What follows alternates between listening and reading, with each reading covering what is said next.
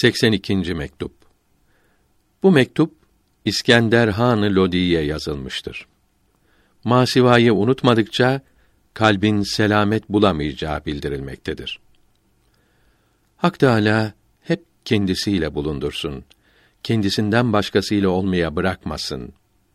Miraç gecesi gözü Allahü Teala'dan hiç ayrılmayan insanların en üstünü hürmetine bu duamızı kabul buyursun. Aleyhi ve ala alihi salavatü ve teslimat.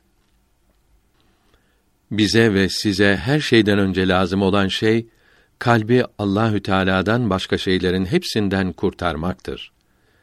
Kalbin bu selamete kavuşabilmesi için Hak Teala'dan başka hiçbir şeyin kalpten geçmemesi lazımdır. Kalpten hiçbir şeyin geçmemesi için de masivayı yani Allahü Teala'dan başka her şeyi unutmak lazımdır. Bunları unutmaya fena denir. Bu yolun büyükleri buyuruyorlar ki Allahü Teala'dan başka herhangi bir şeyi kalpten geçirmek için uğraşılsa hiç geçmemelidir. İş bu dereceye varmadıkça kalp selamet bulamaz. Bugün bu nimete kavuşan kimse anka kuşu gibidir. Yani yoktur. Hatta buna inanacak kimse de kalmamıştır. Arabi Beyt tercümesi Nimete kavuşanlara nimetler afiyet olsun.